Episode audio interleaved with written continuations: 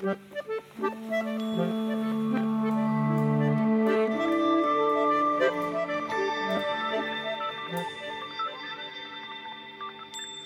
til podkasten Ytringsklima. Her snakker vi om hvordan folk snakker med hverandre. Og i dag har vi en helt spesiell gjest, nemlig komponist og musiker Frode Haltli. Som har eh, laget denne flotte vignetten som vi nettopp har hørt. Velkommen, Frode. Tusen takk. Kan ikke du fortelle oss hva det er vi har hørt? Vel, da må jeg fortelle først at uh, jeg fikk en melding fra deg ja. om at du trengte en vignett, og ikke en, uh, ikke en hvilken som helst vignett. Du sa du spurte etter en Avantfolk-vignett. Nettopp. Og Avantfolk, det er, det er et band eller et prosjekt som jeg har holdt gående nå i uh, snart Ja, i fire år. Over fire år. Eh, som er en samling av ti musikere fra ganske forskjellig ståsted. Litt fra eh, folkemusikk, jazz, mer eksperimentell musikk. En del har drevet litt med popmusikk. Um, og ganske, ganske forskjellige aldre på dem her òg. Altså, da jeg starta det, så var det fra starten av 20-åra til, ja, til rundt 50. Uh, og da tenkte jeg at uh, ja, en vignett, ja, det, det, har jeg vel egentlig aldri lagd før. Men uh, det må vel kunne la seg gjøre. Eh, det enkleste hadde jo kanskje vært at jeg bare har spilt inn noe hjem til meg sjøl. Jeg spiller jo da trekkspill, akkordion. Og driver altså både som musiker, men jeg lager òg en del musikk, da. Men da ofte hvor mitt eget instrument er involvert. Men så kom jeg på at jeg hadde jo noen, noen noe liggende med hele Avantfolk. Uh, en innspilling vi gjorde for ikke så lenge siden, der vi ikke brukte alt. Der vi nettopp lagde noen sånne små snutter for å kunne bruke det som et slags intromateriale eller noe sånt. Så det vi hørte nå, det er det vi Det er en liten bit av noe som vi spilte inn etter at vi har spilt inn en låt som egentlig var ganske definert. Og så tok jeg bare et lite et, et mikroskopisk utdrag fra den låten, og så sa jeg Vi spiller nå på det her. Eh, 15 sekunder. Og så gjorde vi noen forsøk på det. Og når du sier til ti musikere at de skal spille 15 sekunder, så blir det ikke 15 sekunder. Da blir det i hvert fall 30 sekunder. Kanskje mer. Eh, så det som, eh, som, jeg da måtte gjøre eh, når du ville ha en kort vignett, da måtte jeg gå inn i det her, og så måtte vi høre på hva vi hadde. Og så måtte vi redigere og også miks, altså at man trekker fram én stemme, tar en annen tilbake. Vi på en måte komponert med det materialet som jeg hadde der, helt til vi greide å lage noe som var så kort og konsist, men åpent. Og jeg tenker fortsatt når jeg hører det her, hva i all verden var det vi hørte nå? Nettopp. Sjøl. Det tenker sikkert flere. Men uh, dette prosjektet Avantfolk, ja. det er jo da Der er du en slags prosjektleder. Ja. Og da har du en jobb som ligner på en del eh, andre jobber, som handler om å være, sette sammen et lag, finne folk som kan jobbe sammen Eh, og etablere en god tone mellom de som eh, er med. Så hvordan gikk du fram for å samle denne gjengen her sånn? Um, ja, vi Det var jo litt uh, tilfeldig, sånn som jeg husker det. Det var litt utslag av en sånn 40-årskrise. Jeg har spilt med veldig mange samme musikerne i, i mange år. Veldig gode venner og, og kjempebra musikere. Men jeg hadde lyst til å benytte denne anledningen, for jeg fikk et spørsmål om å sette sammen et helt nytt prosjekt til, til en konsertserie på Riksscenen på Skaus plass i Oslo. Og, og, da ville jeg benytte anledningen til å ok, spørre noen I hovedsak musikere jeg ikke har spilt så mye med. Uh, bare, egentlig bare musikere som jeg er nysgjerrig på. Så det var utgangspunktet. Og så funka det altså jeg tror alle vi som var med, ble overraska over hvor godt det funka første gang. Og det første konserten vi gjorde da, i 2017, det ble den Altså, opptaket fra det ble den første plata. Eller deler av det opptaket, da. Så det Og vi fikk så god respons på det og sånn. Eh, så jeg fortsatt med det prosjektet. Sjøl om det å drive et, et ensemble med ti musikere altså utafor en institusjon eller uten å ha en post på statsbudsjettet, det er ganske vanskelig i Norge i dag. For vi snakker jo veldig, veldig uh, høy standard da, på de musikerne som er med. Så det må liksom Det må også drives sånn rent uh, administrativt og det ene med det andre. Men det har vært veldig gøy å få det opp på beina. Nå, nå jobber vi egentlig jevnlig. Så bra. Ja. Jeg er jo nysgjerrig på den biten som handler om ytringsklima mm. mellom musikere. Og det handler jo både om de samtalene dere har, men mm. også hva som skjer når dere er ti stykker på scenen og skal spille sammen. Fordi du sier jo at uh, dere er ganske forskjellige mm. når det gjelder alder og erfaring og sånt. Så hva kan du gjøre som prosjektleder da, for at uh, unge musikere tar plass ja. og spiller sine greier, selv om de sitter der sammen med Frode Haltli og Ståle Soløkken og erfarne folk. Mm. Altså det, Bare for å si litt om prosessen som vi går gjennom, så er det sånn at um, jeg sender ut et materiale til alle musikerne. En lydfil, eller flere lydfiler. Uh, det er på en måte utgangspunktet for det vi gjør sammen. At alle sammen må uh, lære seg et veldig enkelt grunnmateriale som vi har felles. Og, og, det er noe som jeg har med meg fra folkemusikken også, som jeg jobba en del med gode folkemusikere, og der er det jo aldri noen noter involvert. eller sånn. Uh, og når alle har det, kan det her enkle grunnmaterialet, og vi møtes Og ikke bare at de kan liksom melodien, men, men vi har på en måte en litt sånn felles forståelse av av liksom selve timinga i det, i fraseringa, i, i, rytmen. Der er det ofte ting du ikke kan skrive ned eksakt på nota. Det blir i hvert fall forferdelig komplisert hvis du skal gjøre det. Så, så det er utgangspunktet. Og så uh, Så er det sånn at for meg så er ikke det Det, det grunnmaterialet, det, det, er liksom personlig for meg. Men det er jo ikke det for dem. Det, så, så det er ikke det at jeg vil at det skal framføres perfekt på en eller annen måte. Men jeg vil at det skal være et utgangspunkt for at vi skal greie å skape noe sammen. Da. Uh, og det her er ti uh, veldig kreative musikere som alle sammen måte, har egne prosjekter og er, er solister. Um, det er veldig viktig for meg at uh, alle sammen kan være med å forme resultatet. Og, og være med å gi Jeg har en sånn regel at uh, også når vi spiller konsert, eller sånn, så, så skal alle kunne komme med musikalske innspill. eh, som Ja, man, man, kan på en måte velge om man plukker opp og bearbeider, eller om man bare forstår det som et innspill. Som, eh, som, på en måte kanskje gjør seg i helheten. Men, men det er ikke noe vits i å ha med ti kreative musikere hvis alle sammen bare sitter der og gjør akkurat som de får beskjed om. Det, I hvert fall ikke i dette prosjektet. Så er på en måte det vi skal fram til, det er, noe, det er noe mer enn det vi starter med. da. Noe mye mer. Ja. Men er det krevende å f.eks.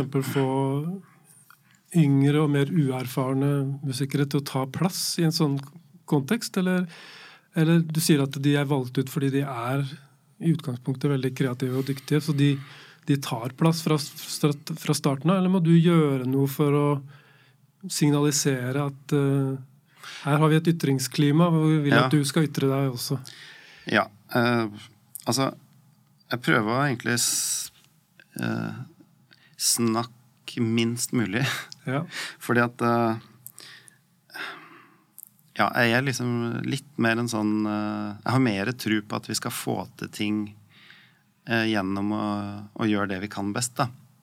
Eh, man kan godt snakke seg litt sånn bort. Akkurat, Nå snakka vi om akkurat når vi er i arbeidsprosessen, liksom. Da får man gjort så utrolig mye bare man uh, spiller og prøver ting. Og, og, det er selvfølgelig sånn at uh, noen av dem er mer beskjeden. Andre er, er, sånne som aldri gir seg på en måte å spille på. Der er musikere veldig forskjellige. Uh, sånn at jeg gir også Jeg gir også sånn Sørger for at det blir plass til alle, på en måte. Sånn at etter hvert i prosessen så, så, legger vi også litt sånne føringer med at ok, vi starter der Det kan vi bare si rett før en konsert. Sånn at jeg tror vi starter med bare hardingfele. For da får vi i hvert fall hørt den hardingfela isolert og ordentlig én gang i løpet av konserten. Ja. Nei, men det kan være sånne, sånne føringer må man selvfølgelig Eller sånn, sånn, sånn gjør vi òg. Ja.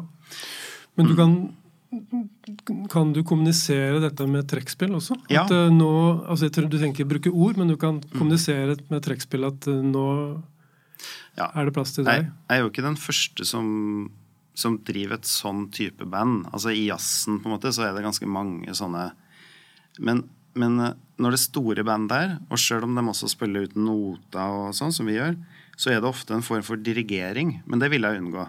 Jeg vil ikke ha sånn at jeg liksom peker og slår av og, og Ikke for mye sånt, men, men, man kan gjøre utrolig mye bare med blikk. Og eh, et og annet pek blir det kanskje i løpet av konserten, men, men det, er sånn, det, er ikke satt i system. Så det, det, er på en måte Målet er liksom å få til den samme type sånn kommunikasjon som man kan ha i en duo og trio. Allerede i trio begynner det å bli vanskeligere. Uh, så med ti stykker så må det være ekstra krevende? Ja, det, det, er utfordrende, altså. Mm. Og det, jeg merker jo at vi har vokst veldig som band uh, på de her årene. Og på de konsertene vi har gjort. Og, og vi har også hatt uh, Kanskje det heter gruppeworkshops på ditt språk. Det, vi har altså gjort konserter òg med mindre besetninger. Ja. Og varierende besetninger. Ja. Ja. Så vi har gjort uh, forskjellige kvintettversjoner av vannfolk, og det er jo kjempenyttig. Spennende. Og da kommer vi tilbake med en, ja, med en annen. Det, da blir jeg nysgjerrig på om dere har noe, noen gang noe sånt det vi kan kalle en debrief etterpå? Etter en konsert eller en, en innspilling eller noe sånt. at uh, hva var det som funka fint mm. i dag, og hva er det vi tar vare på videre, og hva er det vi kan utvikle? Det har vi. Mm. Og vi har vi har ofte opptak av det vi har gjort da. Det som er veldig Det som er fint med å være musiker, men også veldig merkelig, er at man kan ha en kan, Publikum kan ha en helt annen opplevelse enn enn jeg har, da, av hva som funka og ikke. En viss følelse har man sikkert. Men med ti musikere så kan det være litt forskjellige meninger om hva som Eh, ja, i hvilken grad eh, noe funka ikke. Så, så det, det, er jo ganske abstrakt, da, det vi jobber med. Så men, men, hvordan, men, hvordan, er en samtale da etterpå mellom dere om uh, hva som funka og ikke funka? Ja, I og med at det er så abstrakt, så er det og veldig sånn følelsesbasert også. Ja, det er det. For at uh, når vi jobber inn ting, så er det ikke så følelsesbasert. Altså, det er ganske teknisk, å, eller håndverksmessig, da, det å holde på med musikk. Du skal, du skal kunne ganske mye liksom, for å kunne utøve musikk på et nivå sånn at andre gidder å høre på det. Um, så det kan nok uh, uh, oppleves som kanskje tørt og kjedelig, på en måte. I forhold til at man går på konsert, og så hører man noe som man liksom begynner å grine av. Uh, men, men det, det, som er målet, da, måte at, at det skal bli noe større enn en, ja, en det vi sjøl forstår, nesten. Um, og så, når vi snakker om det etterpå, så, så, er det nok stort sett der og da, rett etterpå, så er det nok ofte i litt sånn eufori, og at man er er lykkelig og, og på en måte trekker fram selvfølgelig det som man er fornøyd med. Uh, mens du har jo historia om liksom Miles Davis i, som hører gjennom hele konserten i bandbussen etter konsert og er kjempekritisk. Den andre måten å gjøre det på. jeg, jeg, sitter jo i et, et, fagmiljø hvor vi er opptatt av en forskning som viser at debrief er veldig bra for å mm. lære, for å utvikle seg. Mm. Og så paradoksalt nok så driver vi nesten aldri med debrief selv. Nei. Så vi forteller voksne studenter at uh, når dere har erfart et eller annet, mm. så dere, bør dere sette av tid til å prate om det etterpå, for ellers så lærer dere ingenting av det. Mm. Det viser forskninga. Ja.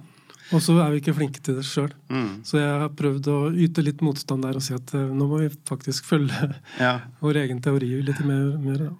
Ja, men vi det er, veldig, det er kanskje litt spesielt å være musiker. Altså, for at når, når, skulle vi ha debrief? Er det etter en konsert? Da er man jo, da spiser man kanskje middag, drikker vin. Da er man på en måte er, Det er noe sosialt. Veldig sosialt ofte, da. Uh, så kanskje da debrifen burde ha vært uh, et par dager etterpå. Men da er man spredt for alle vinder. Så det er ikke enkelt å få det til. Nei. Uh, er det rom for uh, rivalisering i en, en, sånn gruppe som det Avant-folk? Det er ti musikere, ambisiøse, dyktige eh, folk. Um, er, det, er, det, rom for rivalisering internt hos dere da, tenker du? Uh, ja. Det, den egenskapen Altså å være en sånn Å være solistisk, da det, det har jo alle musikerne uh, i den gjengen her. Uh, men, men den egenskapen for meg, da, så er ikke den interessant uh, Eller så veldig interessant hvis du ikke kan kombinere det med å være lyttende. En musiker som som på en måte hele tida skal ligge på toppen på en sånn overkjørende måte, og det finner man overraskende mye av. Og kanskje særlig sånn tradisjonelt, altså hvis du tenker på den store klassiske solisten, virtuosen eller i, i jazzen, da, så har du en del av det. Men, uh, men, jeg føler kanskje at det er litt sånn passé. Og jeg må si at for min del, da jeg var yngre og fikk lov til å spille med musikere som var litt eldre, de opplevdes som veldig mye eldre. Nå innser jeg at de kanskje bare var fem-seks år eldre enn meg sjøl, som vi snakka om her før. Men, eh, men, da jeg fikk spille med Arve Henriksen, for eksempel, da, som er et sånn kroneksempel for meg, en, en profilert norsk uh, jazztrompetist som, uh, som var så utrolig flink til å løfte fram andre. Uh, og da snakka jeg om at han løfter fram andre i samspill med andre. Musikalsk samspill. På uh, scenen eller i studio. Eller, altså, så, så, det er ikke det at han uh, går og snakker pent om andre. Det er ikke det jeg mener. Men, men det der også ha den egenskapen som musiker at du, du greier å gi andre skyv, da. Det, det føler jeg enormt viktig. Og det har gitt meg veldig mye. Og det, det, det gjør jo de andre musikerne bedre. Uh, så det, det, er en superfin egenskap som jeg håper eh, liksom greier å, å eh, også ta med meg sjøl videre. Hva tror du det er Hva er det konkret Arve Henriksen gjør som løfter deg og andre musikere hmm. det, i samspillet? Jeg tror det er både sånn rent musikalsk, for her snakker vi om improvisert musikk ofte, da. At du kan understøtte det andre gjør. Altså Du kan faktisk gi andre en, en sånn en sånn Yes, fortsett med det du gjør nå. Eh, ved å, å, liksom å spille under det. Eh, støtte opp det rent musikalsk. Eh, men det kan òg være visuell kommunikasjon. Og det, jo det er jo det som er Altså når, når jeg snakka litt om, om, måten vi jobber på uten nota, at vi lærer ting på øret, så er det også fordi at jeg vil at vi skal ha, være helt fleksible på scenen, og vi skal kunne kommunisere på alle måter. da. Lytting først og fremst, selvfølgelig, men også visuelt. og uh, Det syns jeg er veldig mye verdt. Og uh, selv om jeg jobba masse med partiturmusikk og komplekse tusenvis av note, noteark, så så er det også veldig spennende å, å, bare jobbe med et enkelt grunnmateriale. Og så blir det utrolig komplekst, det som skjer videre i, i den prosessen òg, da. Nettopp. Eh, det du sier om det å ta plass osv., det minner meg om en, en, historie jeg fikk høre fra en fotballtrener. Mm. Som fortalte at han hadde en spiller på laget sitt. Dette var eh, Jeg trenger ikke si hvem det var. Det var en kjent norsk fotballtrener. Mm.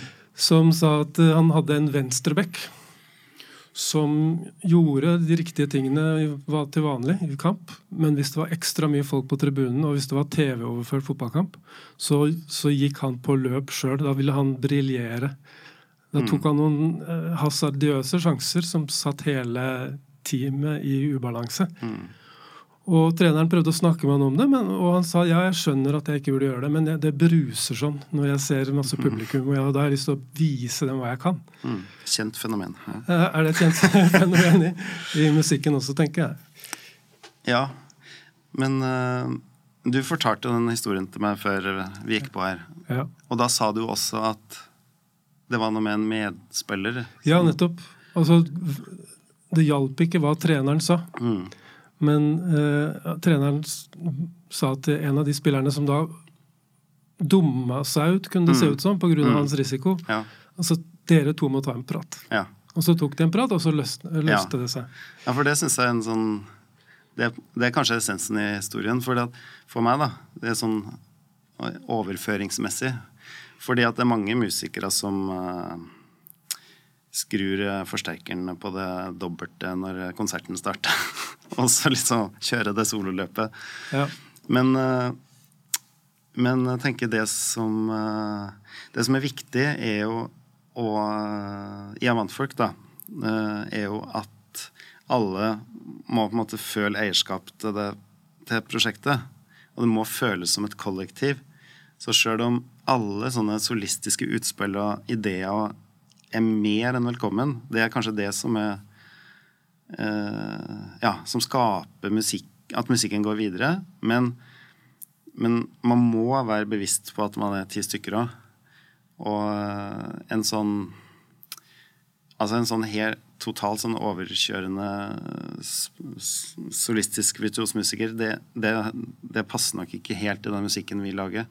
Fordi at det handler også veldig mye om å gå inn og ut av hverandres klanger. Og litt sånn som vi hører på den vignetten her, at, at det er kanskje litt, litt vanskelig å vite nøyaktig hvilket instrument som spiller til enhver tid, men man hører, hører, at det er en sånn sammenheng, og, og at det er individet, da. Det hører man jo.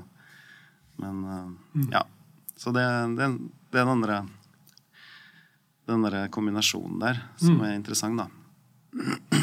En, jeg syns dette er kjempespennende, og det jo, jeg tror at vi hører på vignetten dere har laget også, med nye ører. Mm. Uh, men jeg har en, en, et siste spørsmål, og det handler om uh, et element som vi snakker mye om rundt ytringsklima. Det er det som vi kaller for skapende motstand. Altså det at uh, jeg tør å yte motstand til lederen i mm. prosjektet. At det er psykologisk trygghet. At jeg kjenner at her kan jeg utfordre Frode uten at jeg risikerer å få en smekk av det. Mm. Uten at han dermed liksom, uh, sjalter meg ut av prosjektet, eller jeg får en mindre viktig rolle. Mm. For dette er noe som folk strever med overalt i norske organisasjoner. Hvordan klarer vi å skape psykologisk trygghet, sånn at jeg, folk tør å yte motstand? Har, har, du noen tanker om det? Hva, hva, kan, hva gjør du som uh, leder for dette prosjektet? Mm.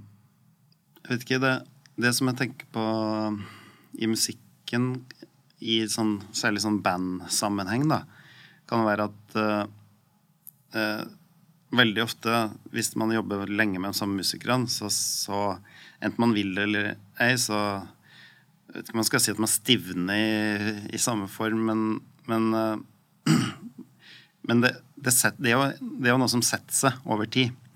Uh, og det kan være uh, Ja, at man, man, man, vet litt sånn hvordan det høres ut før man hører det, på en måte. Fordi ja, det hørtes jo sånn ut sist. Og, også, og det kan jo det kan jo virke litt begrensende kanskje da hvis man er mange, og, og det er en som tenker at ja, men søren, det er ikke akkurat den musikken jeg har lyst til å spille. Um, og akkurat i, i Avantfolk så så prøver jeg på en måte også å legge opp til åpning for, for brudd, da. Musikalske brudd. Og eh, jeg syns Det er litt fordi at jeg sjøl syns det er veldig spennende òg. Og eh, så, så, i musikken så handler det så, så er det vel litt uh, handler kanskje litt om sjanger. Og, og jeg er veldig interessert i å ha en liksom åpen sjangerforståelse. Fordi at uh, sjanger er måte, Det bør være et resultat av den musikken du lager. Liksom, Hvilken sjanger du havner i. Mm. Det, det, jeg er ikke interessert i å lage musikk som skal passe i en sjanger. Uh, det syns jeg er kjedelig. Så mm, ja. Så det er vel bare Jeg vet ikke hva det, hva det svar på noe som helst. Men hvis du, tror du at hvis jeg snakka med musikerne i ja. prosjektet og spurte hvor enkelt er det å yte motstand til Frode? Hvis Frode kommer med en idé, eh, mm. hvor enkelt er det for deg da å utfordre ham på det? Ja, Kanskje litt sånn inn. Jeg ser at det er en problemstilling hos oss òg. Mm. Uh, og det var han, bassisten Fredrik Lur sa på et tidspunkt at det er et sånt opplyst enevelde. Jeg vil jo gjerne at alle skal uh, føle at de kan bidra med hva som helst, men samtidig så i realiteten så, så har jeg jo en sånn en overordna tanke. Jeg tenker veldig mye på form. Sjøl om det er ikke en del av den informasjonen jeg gir musikerne først. Sånn at det er på en måte ting vi, vi former i fellesskap, men men jeg, men jeg, har veldig klare tanker om det. Sånn at, sånn at ja, det, når, du, når du leder et band, så vil visse sånn diktatoriske tendenser vil nok være der. altså. Ja. Så du har til en viss grad vil at de skal tenke hva, hva vil Frode at jeg skal bidra med her? Uh, Innafor avtalte rammer ja. så, så, er det jo greit. Men, men, men, det skal være stort rom for å påvirke òg, altså. Så, men det, det, er nok en problemstilling som ligger der, ja. Mm. jeg syns det er veldig spennende å høre. Og um, jeg tror som sagt at vi hører på vignetten nå med uh, nye ører og får noe annet ut av det. Så tusen takk for at du stilte opp til en prat om dette her, Frode. Ja, det var veldig interessant. Mm, takk skal takk. du ha.